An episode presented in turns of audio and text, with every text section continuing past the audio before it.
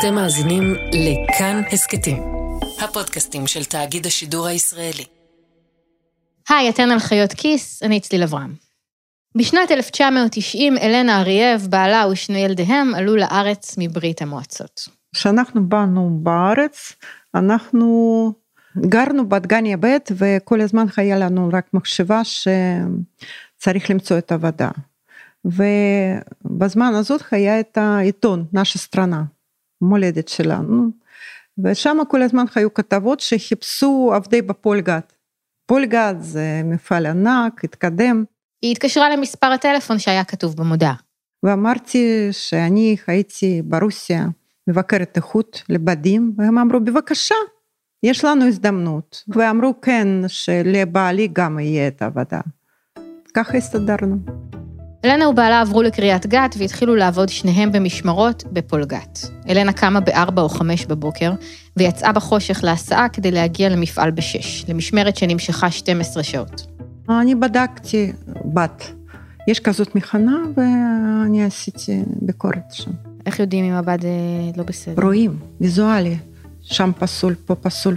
עוצרים את המכנה, שמים סימן ומתחילים הלאה. וככה כל היום? כל היום. בעמידה? בעמידה, אבל uh, התרגלות, עניין של התרגלות. היה לי ככה הרגשה שלא היו לי ברירה. אני חייבת לעבוד בשביל להתפרנס, בשביל להתגדל את הילדים.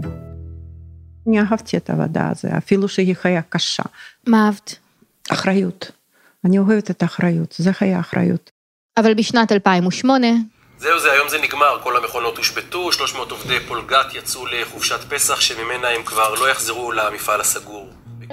כשפולגת טקסטיל, מפעל הטקסטיל האיקוני בקריית גת נסגר, תעשיית הטקסטיל הישראלית מתה סופית. היא השאירה אחרי אנשים כמו אלנה, בנות 50 ו-60, רבות מהן עולות, ללא כישורים שמתאימים לשוק העבודה החדש, שבו קשה מאוד לנשים מבוגרות למצוא עבודה.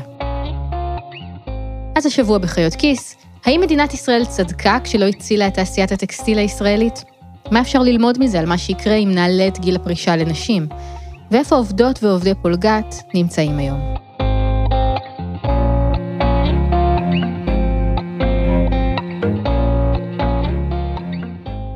כדי למצוא כמה שיותר עובדים לשעבר של פולגת ולברר מה קרה איתם, פניתי לתוכנית הצעירים של התנועה לעיתונות ציבורית. זו תנועה שמחברת בין עיתונאים לפעילים חברתיים וסטודנטים, ומשתפת אותם בעבודה העיתונאית. המשתתפים בפרויקט עשו טלפונים כדי למצוא את העובדים לשעבר של פולגת, ולשאול אותם אם הם הצליחו למצוא עבודה. את אלנה מצא בוריס מריאקרי, ונסענו אליה ביחד. פגשנו אותה בשנה שעברה בבית שלה, דירה נעימה ומטופחת בבניין חדש יחסית בקריית גת. ולמרות שלא שאלנו, אלנה הסבירה למה היא עדיין מתקשה לדבר בעברית. אני עליתי מברית המועצות, זה אפשר להגיד בבלארוס. עבדתי מראה כימיה, אחרי שאני סיימתי את האוניברסיטה. ילדים ממש קטנטנים, ומחשבות שלנו היו רק להתפרנס ולהתגדל את הילדים. ובגלל זה לא כל כך טוב למד באולפן, לא היו לנו זמן מההתחלה. מפעל פולגת קם ב-1960, אחרי שאיש העסקים ישראל פולק נענה לבקשת הממשלה והקים בקריית גת מפעל טקסטיל גדול ומתקדם. המפעל הפך לקבוצת מפעלים, שייצרו בדים וחליפות שנתפרו בטכנולוגיות מתקדמות. בשיאם, המפעלים, שנקראו תשלובת פולגת, העסיקו 6,000 אנשים וגלגלו מחזור של 270 מיליון דולר. בריאיון לדה-מרקר בשנת 2008 סיפר אחיינו של ישראל פולק, דוב, שהמפעל סיפק בדים לחברות כמו ארמני, קלווין קליין, ורסאצ'ה, זרה וגאפ. היו בדים מאוד מיוחדים, השיטה בעצם הייתה מהמפותחות בעולם. זה בוריס. ספנסר אנד ספנסר, мы видели в магазине ספנסר אנד ספנסר. ראינו את הבדים שלנו בחנויות באירופה, והבעל שלי ניגש לחולצה בחנות ספנסר אנד ספנסר, ואמר, תראי, זה, זה הבדים של פולגת. ואנחנו, мы были... היינו מלאי גאווה. כן, שזה עבודה שלנו, ביד שלנו, чего-то большого. חלק ממשהו גדול, לא זו הייתה הרגשה. כן, שאפילו בעולם יודעים את השם. בפולגת עבדו 300 עובדים, רובם תושבי קריית גת, רבים מהם עולים חדשים. אבל בשנות ה-90 התעשייה התחילה לרדת מגדולתה. זה קרה גם כי כוח העבודה בישראל היה יקר יחסית. למרות שרוב העובדות הרוויחו שכר מינימום, חברות אופנה מסביב לעולם התחילו לקנות בדים ממדינות שבהן העבודה הייתה זולה יותר, כמו ירדן, מצרים, מדינות מזרח אירופה, ובעיקר הסין. אבל זאת לא הסיבה היחידה. עד שנות ה-80, מי שרצה לייבא מחו"ל בדים או פריטי לבוש היה צריך לשלם מכסי יבוא. על רבים מהפריטים המס היה 33 אחוז. המס הגבוה גרם לכך שלתעשייה המקומית היה יתרון מול מתחרים מחו"ל, ורוב הבגדים שלבשנו, וגם המצעים והמגבות שקנינו, היו תוצרת הארץ. אבל ב-1985, במסגרת תוכנית העיצוב, הממשלה החליטה לפתוח את המשק הישראלי ליבוא, וכך לדחוף אותו לכיוון של משק תחרותי וגלובלי. המכסים על טקסטיל בוטלו בתהליך הדרגתי שהסתיים בשנת 2000. מפעלי הטקסטיל הישראלים לא עמדו בתחרות. מפעלים כמו עטה, לוג'ה וגוטקס נסגרו. דלתא וקסטרו העבירו את הייצור שלהן לחו"ל. בשנות האלפיים הירידה בשער הדולר והמשבר הכלכלי הגלובלי חיסלו את מעט המפעלים שנשארו בארץ. 300 עובדי מפעל פולגת בקריית גת יצאו היום לקרב האחרון, הקרב על החיים בכבוד, ומפנים את האש אל הנהלת המפעל. 2006 זוכרת, סגרו בגיר, אחר כך בינואר 2008, אולי קצת לפני, סגרו פולגת ג'ינס. מפעלי תשלובת פולגת נסגרו בזה אחר זה. ואנחנו כבר ידענו שזה זהו. מתחיל עוד מעט גם אנחנו. במרץ 2008 הבעלים הודיעו על סגירת המפעל האחרון, פולגת טקסטיל, ובישרו שלא נותר בקופת החברה כסף אפילו כדי לשלם לעובדים פיצויים. המחאות נגד סגירת פולגת נמשכו שבועות ארוכים. רבים מהעובדים כאן בילו את מרבית שנותיהם במפעל שהיה סמל לענף הטקסטיל של ישראל. היום הם התבצרו במפעל, אין יוצא ואין בא. כל מהדורות החדשות עסקו בהפגנות בשער המפעל, במשא ומתן שניהלה ההסתדרות מול ההנהלה, ובעובדים והעובדות מקריית גת, שהסיכויים שלהם למצוא עבודה אם המפעל באמת ייסגר נראו נמוכים מאוד. אנשים חיו במוות, ומתחיל להיות שביתות. מה זאת אומרת במוות? בפחד, וכולם חיו עצבנים מאוד, כולם חיו בשוק. פשוט כואב לב שחלק החיים, ככה אפשר לחתוך. לאחר משא ומתן עם ההסתדרות, הפיצויים שולמו, והעובדים קיבלו מכתבי פיטורים. אחת באפריל אני קיבלתי מכתב פיטורים, ביחד עם בעלי. באפריל 2008, אחרוני העובדים הדמימו את המפעל. אני זוכרת את ההרגשה שלי שאני עשיתי סיבוב אחרון, ואני הסתכלתי על המכנה. הסתכלתי על המכנה הזאת, וחשבתי, זהו. ובראש שלי אני... מאוד קשה היה לי שאיך זה זה. עבדנו כל כך קשה, ופתאום 12 שנים ככה זה הולך. היה מאוד קשה. והלכת הביתה? כן, הלכתי הביתה, היה עצוב מאוד. מדינת ישראל רצתה להניח לתעשיית הטקסטיל להתחרות בשוק הגלובלי, והתעשייה נכשלה בתחרות. אבל הצרכן הישראלי הרוויח. כתוצאה מהתחרות החדשה, יבוא הטקסטיל לישראל גדל פי ארבעה. מחירי הבגדים ירדו מאוד. למעשה, אם מסתכלים על רמת המחירים של מוצרים שונים בשנות האלפיים, כמעט כל המחירים עלו מאז, מלבד בגדים, שירדו בשנים האלה כמעט ב-30 השינוי הזה השאיר מאחוריו עובדות ועובדים כמו אלנה, שהאפשרויות שלהם בעולם התעסוקה הלכו ופחתו. אבל הוא היה נהדר עבור אנשים אחרים. אנשים כמו הבן של אלנה. אלי אריאב, בן 32, אבא לשתי בנות לא מזמן. אז אני שש שנים כבר בתעשייה האווירית, ובשנה האחרונה עברתי לאלתא בתור uh, מהנדס שילובים, עובד על מערכות מקם uh, ונהנה מכל רגע מהעבודה. אני תופסת את אלי בין הרצאות בלימודים שלו לתואר שני בהנדסה. תראי, כל הילדות שלי אני זוכר שההורים שלי עבדו בפולגת, שניהם, יותר נכון. אני זוכר את העבודות של ה-12 שעות, של המשמעות ה-12 שעות הסופר קשות האלה, שהם היו חוזרים אחרי מותשים ויש להם עכשיו שני ילדים אה, שהם צריכים גם לארגן לבית ספר. אני זוכר את הימי שישי שהם היו עובדים והימי שבתות שהם היו עובדים. הייתה להם עבודה מאוד קשה ומאוד אינטנסיבית. אבל זה שם להם אה, אוכל על השולחן. לא, לא היה חסר לנו כלום בילדות, וזה בזכות פולגת. פולגת הייתה ברקע כל החיים של אלי. הוא כבר היה חייל בחיל הים כשהוא התקשר הביתה וההורים שלו אמרו לו שזהו, המפעל נסגר. אז נפל אסימון עד כמה המפעל הקטן הזה, פולגת, שהוא הוא, הוא החזיק פה עיר למעשה. פתאום העיר מוצפת במובטלים, אין, אין איפה לעבוד בעיר.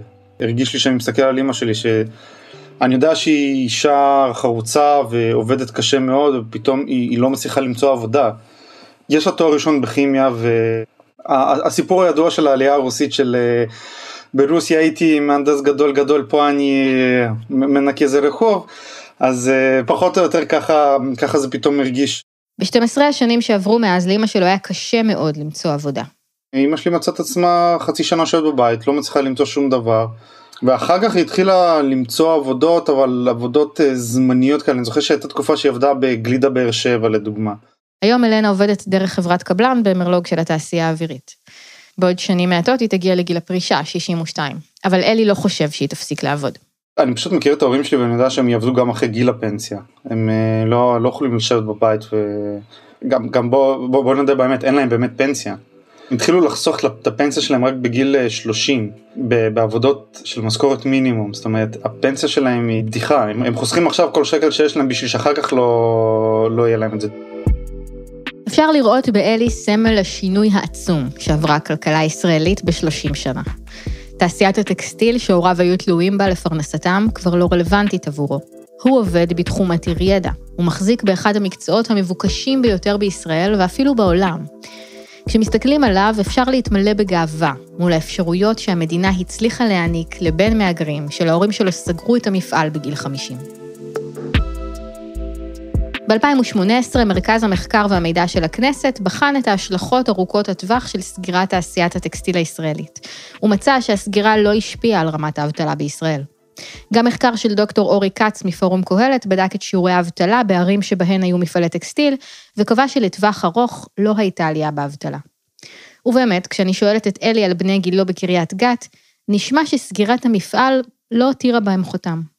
רוב האנשים שהם בדור שלי אז רובם המוחלט יצא מהעיר בכלל וכמעט כולם הסתדרו עם עבודות מאוד מאוד מאוד אה, מכובדות.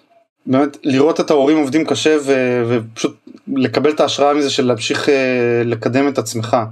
אבל כשמסתכלים ברמת המיקרו הדברים תמיד מורכבים יותר.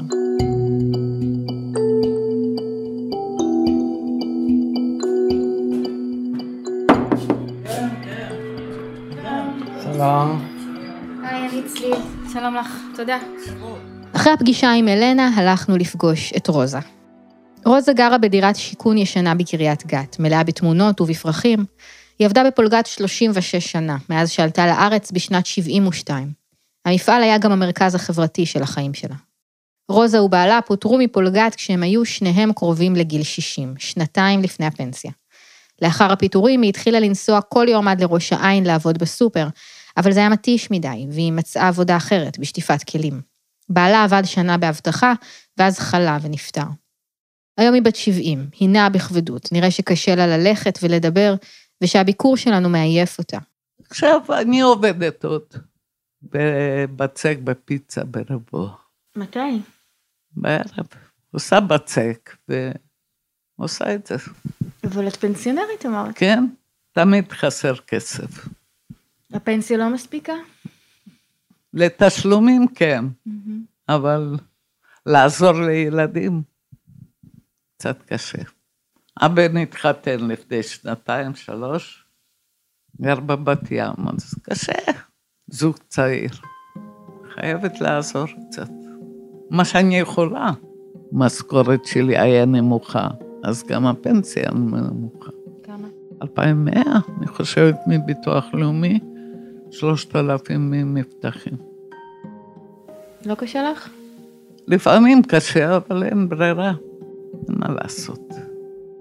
גם פה הסיפור של הדור הבא כנראה כבר יהיה אחר. הבן הגדול של רוזה חי בבת ים, הוא עובד כפקח בעיריית תל אביב. בזמן שאנחנו מדברות, הבן הקטן שלה ישן בחדר. היא מספרת שהוא סטודנט למדעי המחשב. גם אני דואגת, אין לי משהו אחר, חוץ מהילדים. למה שאני לא אעזור? למי אני אעזור אם לא לילדים? משתתפי התוכנית של התנועה לעיתונות ציבורית דיברו עם 20 ממפוטרי פולגת. זאת הילה נחום, שעשתה הרבה מהטלפונים האלה. מה שעלה בעצם בשיחות עם העובדים זה שלמרות המשכורות הנמוכות והעבודה המאוד אה, פיזית ושוחקת במפעל, פולגת היה מקום שוקק חיים ומשפחתי, אה, עם הרבה מאוד הוואי ומסיבות וטיולים וחברויות מאוד עמוקות שנרקמו שם לאורך הרבה מאוד שנים, ככה שהסגירה שלו הייתה מאוד טראומטית. 20 אנשים זה לא מדגם אמפירי, אבל כן אפשר לקבל ממנו איזשהו מושג על מה היו ההשלכות של סגירת המפעל עבור העובדות והעובדים. חנה עבדה 30 שנה בפולגת בתיקון אומנותי של בדים, היום היא מצאה עבודה בטיפול בקשישים. בלה עבדה כלבורנטית בפולגת, לאחר מכן השתלבה במפעל אחר בסוגת. זלמה הייתה עובדת ייצור 30 שנה בפולגת, אחרי זה היא עבדה בניקיון עד הפרישה. מרסל עבדה 35 שנה במפעל, בביקורת הסופית של הבדים. אחרי הסגירה היא לא מצאה עבודה, בעצם עד הפרישה. כשמסתכלים על אבטלה כעל דבר בינארי, יש עבודה או אין עבודה, נראה שרוב המפוטרות בסדר. אבל אחד הדברים שהתחדדו לי במפגש איתן, הוא שאנחנו טועים, אם נדמה לנו שעבודה בשמירה או בשטיפת כלים דרך חברת קבלן, זה אותו דבר כמו העבודה שהייתה להן במפעל. מבחוץ זה אולי יכול להיראות כמו שתי עבודות בשכר נמוך. אבל עבור העובדות, ההבדל ביציבות, בקושי ובתחושת הערך, הוא עולם ומלואו. העובדות האלה התבקשו לשלם את המחיר של הגלובליזציה והקדמה, של תחרות חופשית ומוצרים במחיר נמוך. הן נשארו מאחור, כשכל העולם שעט קדימה. ועכשיו, זה עלול לקרות להן, שוב. כי רוזה, אלנה ונשים אחרות עם הפרופיל התעסוקתי שלהן, הן בדיוק פלח האוכלוסייה שישלם את המחיר, וייפגע שוב אם גיל הפרישה יעלה. ועדת הכספים קיימה הבוקר דיון דחוף בנושא העלאת גיל הפרישה לנשים. גיל הפרישה לנשים גם הוא בעלייה. היום בוועדת הכספים ערכו דיון לקראת העלאת הפרישה לנשים. אנחנו נרצה להמשיך לעבוד גם אחרי גיל הפרישה הפורמלי. כשאנחנו מדברים על העלאת גיל הפרישה, אנחנו מתכוונים בעצם לשני דברים. הדבר הראשון והחשוב ביותר הוא העלאת הגיל שבו מתחילים לקבל מביטוח לאומי קצבת זקנה. נשים לא חייבות לפרוש בגיל 62, הן יכולות להמשיך לעבוד גם אחר כך. אבל כל אישה שמגיעה לגיל 62, וכל גבר שמגיע לגיל 67, זכאים לקבל מביטוח לאומי כל חודש בין 1,600 ל-2,400 שקלים קצבת זקנה. בהתחלה יש מבחן הכנסה. מי שההכנסות שלו הן מעל לסכום מסוים, לא זכאי לקבל קצבה. מי שעובד ומרוויח יותר מ-6,000 שקלים, מקבל קצבת זקנה קטנה יותר. אבל מגיל 70, כולם מקבלים. לא משנה מה רמת ההכנסה, כולם. כן, גם שרי אריסון. 2,000 שקל לחודש זה נשמע כמו מעט מאוד כסף. אבל יש שתי קבוצות של נשים שזה משמעותי עבורן מאוד. נשים כמו הגיבורות של הסיפור שלנו. אלנה ורוזה עצמן לא יושפעו ישירות מהעלאת גיל הפרישה, כי ככל הנראה תיעשה בהדרגה ולא תחול עליהן. אבל אפשר להיעזר בדוגמאות שלהן כדי להבין מה המשמעות. הקבוצה הראשונה של נשים שהושפעו מאוד מהעלאת גיל הפרישה היא נשים שפוטרו מהעבודה שלהן בגיל 50 פלוס או 60. לנשים כאלה יש סיכוי קטן למצוא עבודה חדשה, והרבה מהן מחזיקות את הראש מעל המים בקושי, עד לגיל שבו הן מתחילות לקבל פנסיה וקצבת זקנה. הן עוברות בין עבודות זמניות, או שהן נעזרות בבני משפחה, מכלות את החסכונות או לוקחות הלוואות. הקבוצה השנייה היא נשים כמו רוזה, שהגיעו לגיל הפרישה, אבל הפנסיה שלהן קטנה מאוד, והן חייבות להמשיך לעבוד. תארו לכם שניקח מרוזה או ממישהי עם אותם נתונים את קצבת הזקנה שלה. היא עלולה פשוט להידרדר לעוני. כיוון שכולם מקבלים את הקצבה הזאת, העלות הכוללת של קצבאות הזקנה היא 30 מיליארד שקלים בשנה. 40 אחוז מתוך כל הכסף שמשלם הביטוח הלאומי בקצבאות, אבטלה, נכות, סיעוד, הכל, 40 אחוז הולכים רק לקצבאות זקנה. לשם השוואה, מתחילת משבר הקורונה, כל דמי האבטלה שהביטוח הלאומי שילם לעובדים שיצאו לחל"ת, עמדו על פחות מ-20 מיליארד שקל. זה הרבה מאוד כסף. ויום אחד, ויש כל מיני הערכות ומודלים לחשב מתי זה יקרה, לא יהיה מספיק כסף כדי לשלם כל כך הרבה. התשלומים שכולנו משלמים לביטוח לאומי פשוט לא יספיקו יותר כדי לכסות את כל הקצבאות שהוא צריך לשלם למבוטחים שלו. זה נקרא גירעון אקטוארי. אז מה עושים כדי למנוע אותו? במצב כזה צריך או להעלות את דמי הביטוח, או לקצץ בקצבאות, או גם וגם. ואחת הדרכים היא לדחות את הגיל שבו נשים מתחילות לקבל קצבת זקנה. במקום 62, 67. ויש עוד סיבה לעשות את זה. אנחנו צריכים להעלות את גיל הפרישה, משום שעם העלייה בתוחלת החיים, בעצם יש לנו חוסר איזון בין מספר שנות העבודה לבין המספר של השנים שאנחנו אחר כך חיים מפנסיה. זאת פרופסור קרנית פלוג. היא הייתה נגידת בנק ישראל, והיום היא סגנית נשיא המכון הישראלי לדמוקרטיה וחברת סגל במחלקה לכלכלה באוניברסיטה העברית. פרופסור פלוג אומרת, שימי בצד רגע את האיזון האקטוארי של הביטוח הלאומי. צריך להעלות את גיל הפרישה, קודם כל בשביל הנשים עצמן. צריך לזכור גם שתוחלת החיים של נשים היא יותר גבוהה מאשר תוחלת החיים של גברים, ולכן העובדה שנשים פורשות יותר מוקדם, אומרת שבעצם תוחלת החיים שלהם אחרי הפרישה היא סדר גודל של 23 שנים, ושל גברים 15 שנים. כי יש עוד משמעות למונח העלאת גיל הפרישה, וזה הגיל שבו אישה יכולה להתחיל לקבל פנסיה מקרן הפנסיה שלה. כיום הגיל הזה הוא 60 או 62, תלוי בסוג הקרן. הבעיה היא שכשנשים פותחות את קרן הפנסיה בגיל כזה, פשוט אין שם מספיק כסף. נשים עובדות במשרות חלקיות יותר, בשכר נמוך בהרבה משל גברים, הן יוצאות לחופשות לידה, וגם אחרי חופשות הלידה הן עובדות פחות, בגלל הטיפול בילדים. ולכן הן חוסכות פחות כסף לפנסיה. החיסכון שהן יוצרות במהלך חיי העבודה הוא מצומצם מכדי לאפשר רמת חיים סבירה אחרי הפרישה. וכדי לפתור את הבעיה הזאת, נשים חייבות להמשיך לעבוד ולהגדיל את החיסכון שלהן. יש איזושהי עבודה שנעשתה על ידי איתן שישינסקי וחלי זקן במכון הישראלי לדמוקרטיה, והם הראו שכל דחייה של שנה בגיל הפרישה מעלה את גובה הקצבה התעסוקתית בשישה אחוזים. לפי סימולציה שנערכה במשרד האוצר, אישה שמרוויחה 9,700 שקלים בחודש ותפרוש בגיל 62, תקבל פנסיה של כ-3,500 שקלים. אבל אם היא תפרוש בגיל 67, היא תקבל פנסיה של 5,000 שקלים. זה הבדל משמעותי שמדגיש עד כמה דחוף להעלות את גיל הפרישה עבור הנשים עצמן. אבל האמת היא שכבר היום הרבה מאוד נשים בכלל לא פורשות בגיל 62. למעשה, הגיל הממוצע לפרישה הוא בסביבות 65. הנשים שפורשות מוקדם הן בדיוק אותן נשים שעובדות בשכר נמוך ובעבודות פיזיות ושוחקות. ואז התוצאה היא גם עוד הגדלה של אי השוויון בהכנסה מפנסיה אחרי הפרישה. בשנת 2003, כחלק מהתוכנית הכלכלית של נתניהו, גיל הפרישה לנשים עלה מ-60 ל-62. הצעד הזה נחשב להצלחה. האבטלה של נשים מבוגרות לא עלתה בעקבותיו, ושיעורי התעסוקה שלהן עלו. זה בעצם הגיוני, כי אם מעסיק ששוקל להעסיק אישה מבוגרת מניח שהיא תפרוש בגיל 62, זה עלול להרתיע אותו ולגרום לו להעדיף להשיג גבר או אישה צעירה יותר. אם אנחנו מדברים על גיל 67, זה יכול לתת קצת יותר אופק. בעצם, עבור כמעט כל אישה, העלאת גיל הפרישה היא דבר טוב, שישפר את מצבה. חוץ מקבוצה אחת. הקבוצה של הנשים הכי חלשות, עם השכר הכי נמוך והעבודות הכי קשות. עבורן זה צעד רע מאוד. וזאת הסיבה שכל הדבר הזה תקוע עד היום. עכשיו, אני כן חושבת שאם מעלים את גיל הפרישה, צריך לקחת בחשבון שצריך לתת סיוע ממוקד למי שמושפע מהדבר הזה באופן ישיר. אז צריך למשל לתת את האפשרות לקבל דמי אבטלה לתקופה של הגיל שמושפע, קבוצת הגיל שמושפעת באופן ישיר מהשינוי. הסוגיה של פיצוי הנשים החלשות יותר היא הדבר שהכנסת לא מצליחה להחליט לגביו כבר 17 שנים.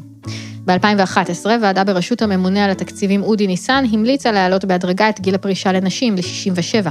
אבל ההעלאה נדחתה לאחר שחברות הכנסת שלי יחימוביץ' וזהבה גלאון, יחד עם חברות כנסת נוספות ממפלגות שונות, הצליחו לחוקק חוק שידחה אותה. ב-2016, כשגיל הפרישה היה אמור לעלות שוב, משה כחלון, שהיה שר אוצר, הקים ועדה נוספת לבחינת העלאת גיל הפרישה, בראשות מי שהיה אז הממונה על התקציבים, אמיר לוי. הוועדה מצאה ש-23% מהנשים עובדות אחרי גיל הפרישה בשכר נמוך, ועוד 8% מהנשים בגיל הסמוך לגיל הפרישה אינן עובדות כלל. אלה אנשים שיהיה להן קשה להסתדר ללא קצבת זקנה וללא פנסיה, והוועדה שמה לה למטרה למצוא להן פתרון.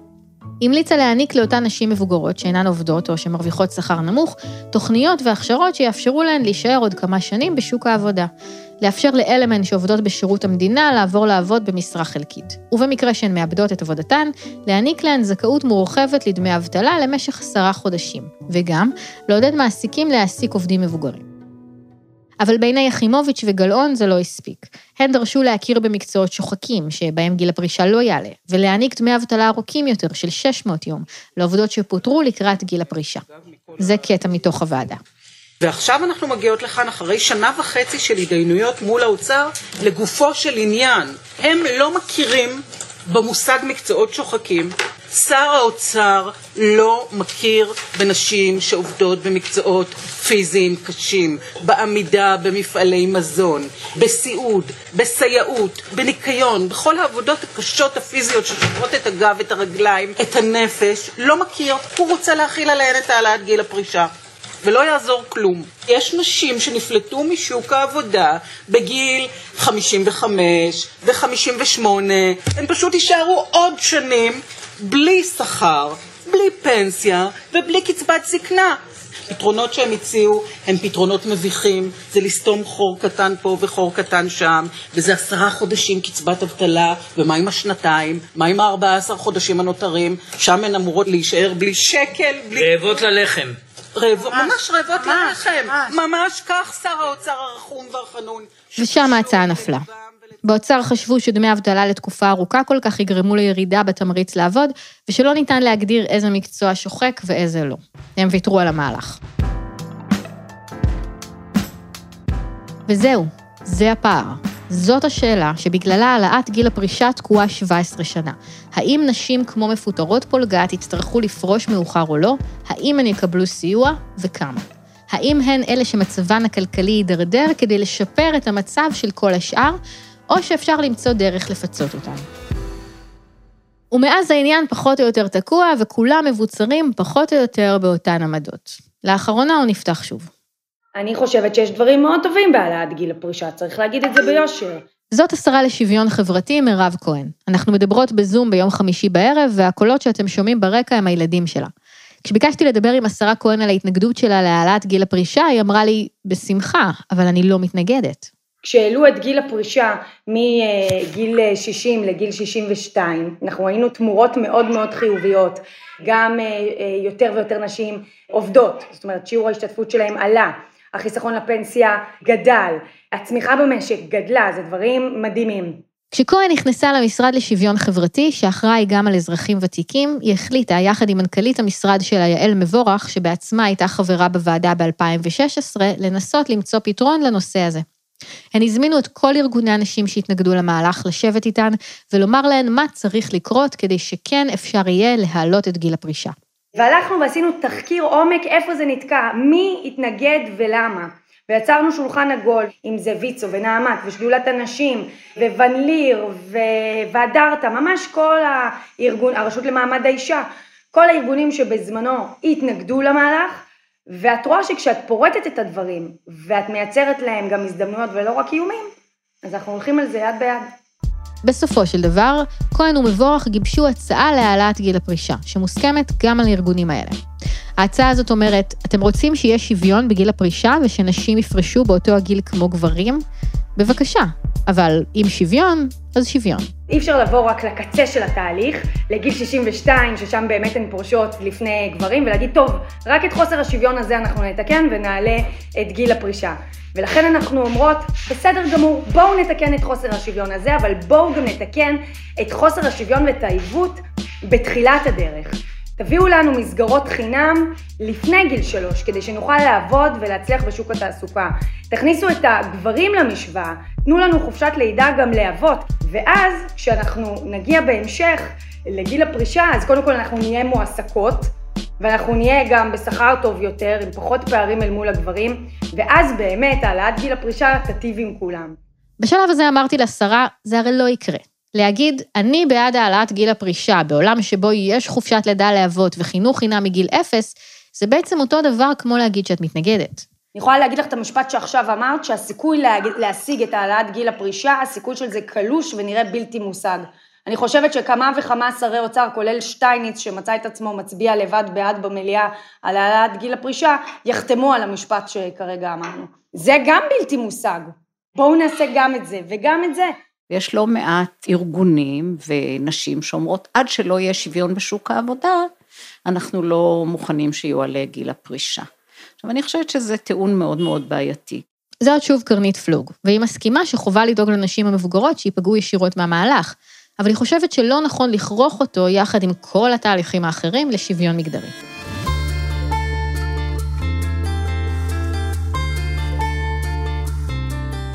בחודשים האחרונים נראה שהנושא הזה עומד לעלות שוב על שולחן הממשלה, אבל עכשיו זה כבר יהיה כאב הראש של הממשלה הבאה. בכל מקרה, גם התומכות וגם המתנגדות להעלאת גיל הפרישה מסכימות על דבר אחד. הקורונה הפכה את הנושא הזה להרבה יותר דחוף. תשלומי דמי אבטלה למאות אלפי מובטלים האיצו את בעיית הגירעון האקטוארי של הביטוח הלאומי, והאבטלה הגואה ייצרה עוד עשרות אלפי רוזות ואלנות חדשות, שמצאו את עצמן מובטלות כמה שנים לפני הפנסיה ועם סיכוי נמוך למצוא עבודה. וגם השינוי של הכלכלה הישראלית נמשך. שטיחי כרמל, פניציה, לחמי, חרסה, אמיליה קוסמטיקס, כל מפעל שנסגר ומפנה את מקומו לתעשיות מתוחכמות ועתירות ידע, גם משאיר אחריו עוד פועלות בשכר מינימום, שלא נשאר להן מקום בשוק העבודה שלנו. אני מרגישה כמו כאילו משחק של שחמט. זרקו, ולא רואים, טוב או לא טוב, כולם הביתה. זה היה חלק מהחיים, חלק של הקשים, אבל אני אהבתי חלק הזה. סוגרים את המפעל בואי נלך הביתה. זה לא משתלם, לא משתלם, לא משתלם. זה עניין של כלכלה. אנחנו היינו חיות כיס, את התוכנית עורכת מאיה קוסובר. עורך הסאונד הוא אסף רפפורט, סייעה בעריכה רחל רפאלי. בהכנת הפרק השתתפו הילה נחום, בוריס מריאקרי וגיא שגיא. תודה לתנועה לעיתונות ציבורית ולתוכנית הצעירים שלה, עיתונות לשם שינוי. אם מעניין אתכם להשתתף בתוכנית הזאת, הפרטים נמצאים בעמוד הפייסבוק של התנועה. תודה לעדי סלם על העזרה בהכנת הפרק. שאול אמסטרדמסקי ודנה פרנק הם חברי מערכת חיות כיס. אפשר להאזין לכל הפרקים שלנו ביישומוני ההסכתים ובאתר כאן. אני צליל אברהם, תודה רבה שהאזנתם.